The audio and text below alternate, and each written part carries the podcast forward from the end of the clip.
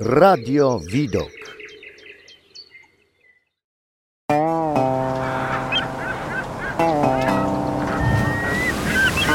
Stronę słońca.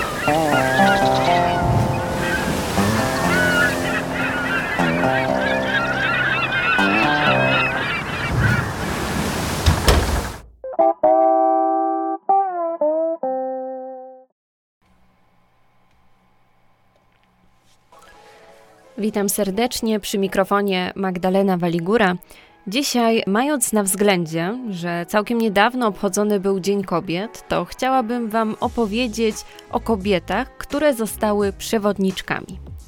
Clarissa Pinkola Este w swojej książce Biegnąca z wilkami napisała, że kobieta udomowiona to taka, która zagubiła gdzieś swój talent, pasję, tkwiący w niej ogień.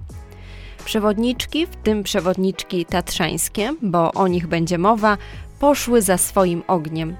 Łatwo nie było, ale to przecież góry weryfikują najlepiej.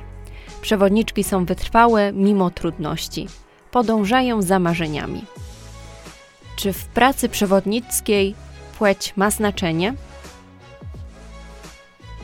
W 1948 roku Zofia Radwańska-Paryska zdaje egzamin i zostaje pierwszą przewodniczką tatrzańską. Fenomen na skalę światową, gdyż Polska wyprzedza inne konserwatywne kraje alpejskie. Później było już łatwiej. Pojawiła się Róża Drojecka, Maria Chałubińska czy też Zofia Stecka. Dzisiaj widok przewodniczek nikogo nie dziwi w majestatycznych Tatrach.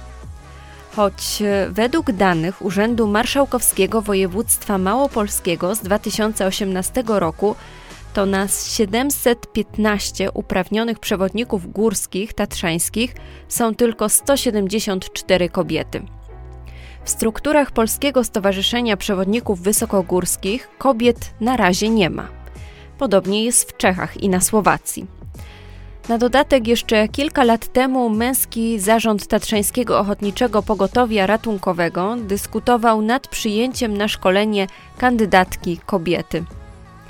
Jedna z redaktorek magazynu Tatry pisze, że przewodnictwo to zajęcie wymagające specyficznych zdolności, szczególnych cech fizycznych i osobowościowych takich atrybutów jak siła fizyczna, wytrzymałość, hart ducha, odwaga, które od zawsze definiowały męskość.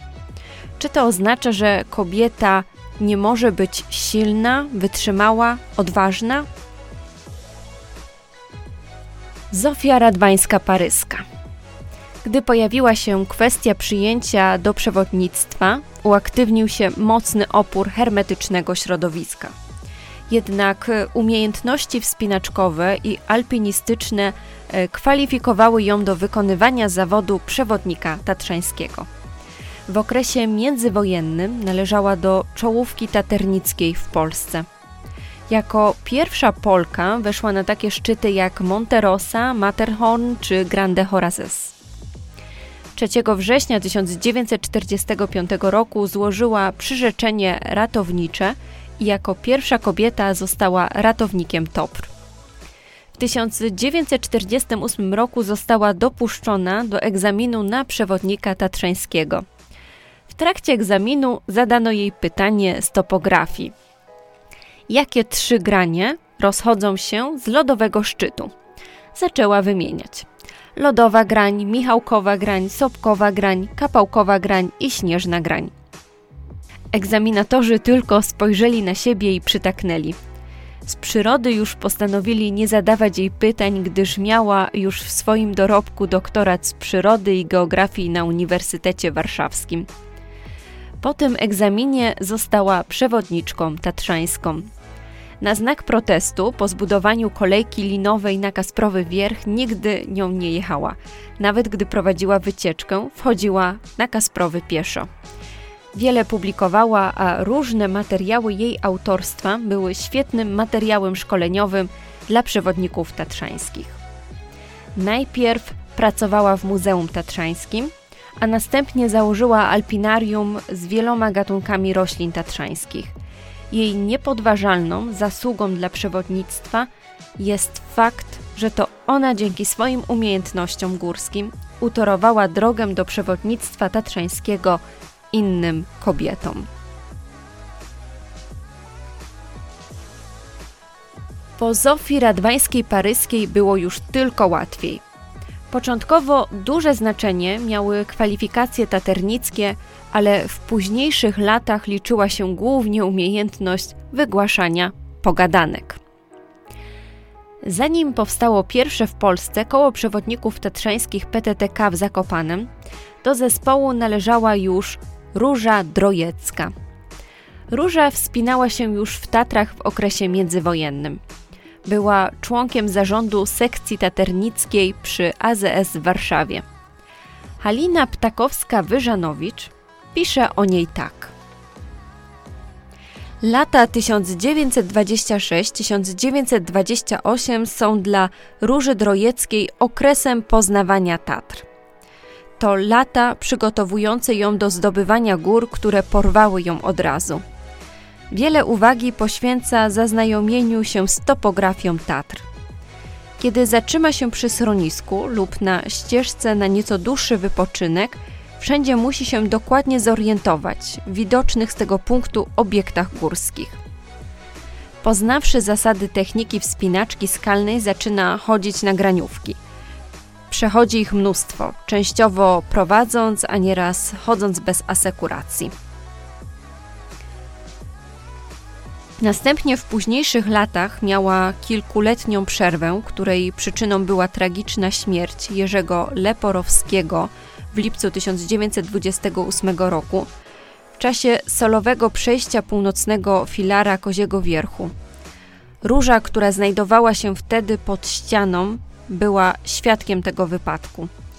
Wróciła w Tatry dopiero w roku 1935. W 1946 roku miała wypadek narciarski, doznała zerwania ścięgna i potem już nigdy nie wróciła do swojej szczytowej formy. Po wojnie pozostała na stałe w Zakopanem, gdzie w roku 1951 uzyskała uprawnienia przewodnika tatrzańskiego trzeciej klasy, jako druga kobieta po Zofii Paryskiej. Wkrótce podwyższyła uprawnienia przewodnika na drugą, a potem pierwszą klasę. Aktywnie włączyła się w pracę społeczną koła przewodników tatrzańskich PTTK. Róża Drojecka otrzymała Krzyż Kawalerski Orderu Odrodzenia Polski i odznaczenia resortowe, a w roku 1985 Klub Wysokogórski w Zakopanem nadał jej członkostwo honorowe.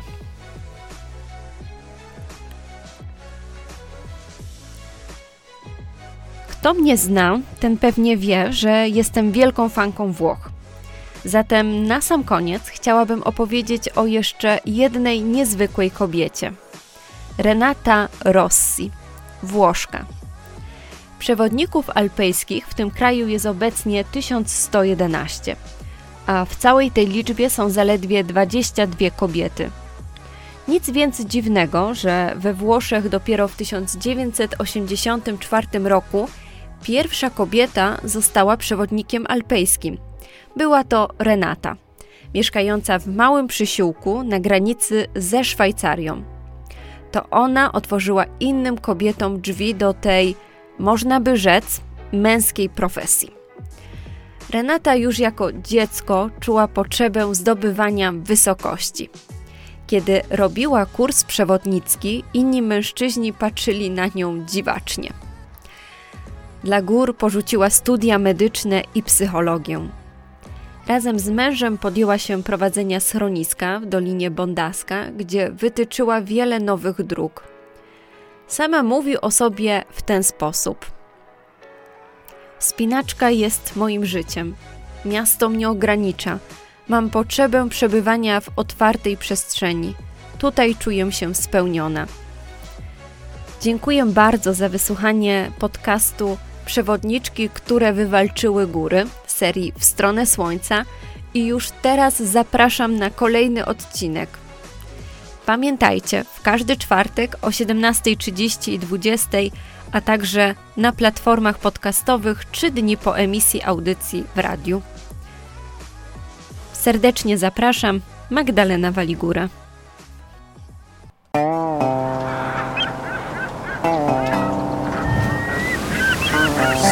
Słońca.